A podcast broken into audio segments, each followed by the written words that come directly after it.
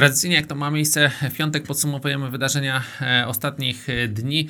No, przede wszystkim wydaje się, że to posiedzenie rezerwy federalnej było e, kluczowe, chociaż w ostatnich godzinach rynek trochę kontestował ten łagodny przekaz. Natomiast według nas fakt, że tak naprawdę rezerwa federalna nie oczekuje w najbliższym czasie podwyżek stóp procentowych, że niewykluczone byłoby nawet zatrzymanie redukcji bilansu rezerwy federalnej, gdyby nastała taka e, potrzeba, że praktycznie wydaje się, że w tym momencie scenariuszem bazowym jest e, już e, brak dalszych podwyżek w ogóle w całym bieżącym cyklu koniunkturalnym.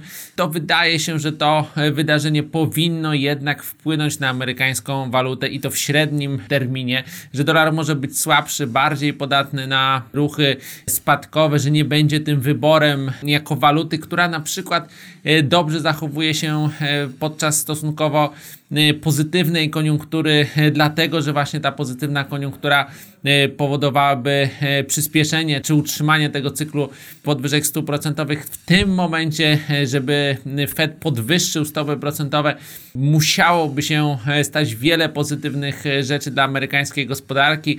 Kwestie Chin musiałyby zostać rozwiązane, kwestia shutdownu, kwestia Brexitu, kwestia ogólnie spowolnienia oczekiwanego e, w światowej gospodarce. Jednocześnie w Stanach Zjednoczonych musielibyśmy mieć przyspieszenie e, procesów inflacyjnych i cały czas wysoki wzrost gospodarczy w okolicach 3%. Wtedy można było zastanawiać się nad tym, że Fed powróci do tej koncepcji podwyżek stóp procentowych. Jeżeli nie, no to te stopy nie będą wyższe, więc nie będzie wsparcia e, dla dolara. Z innych informacji wydaje się, że ważne są kwestie związane z Brexitem. Ten Brexit można powiedzieć, że minimalnie jest bardziej prawdopodobny ten chaotyczny e, Brexit, dodatkowo słabe e, dane ze strefy euro, natomiast e, z Polski dobry odczyt PKB, ale cały czas zaskakująco niskie dane o indeksie PMI. Ogólnie słabnąca koniunktura w naszym kraju, ale znacznie wolniej słabnąca niż to ma miejsce w strefie euro. Także złoty raczej z pozytywnym wydźwiękiem ogólnie, jeżeli chodzi o cały tydzień. Dolar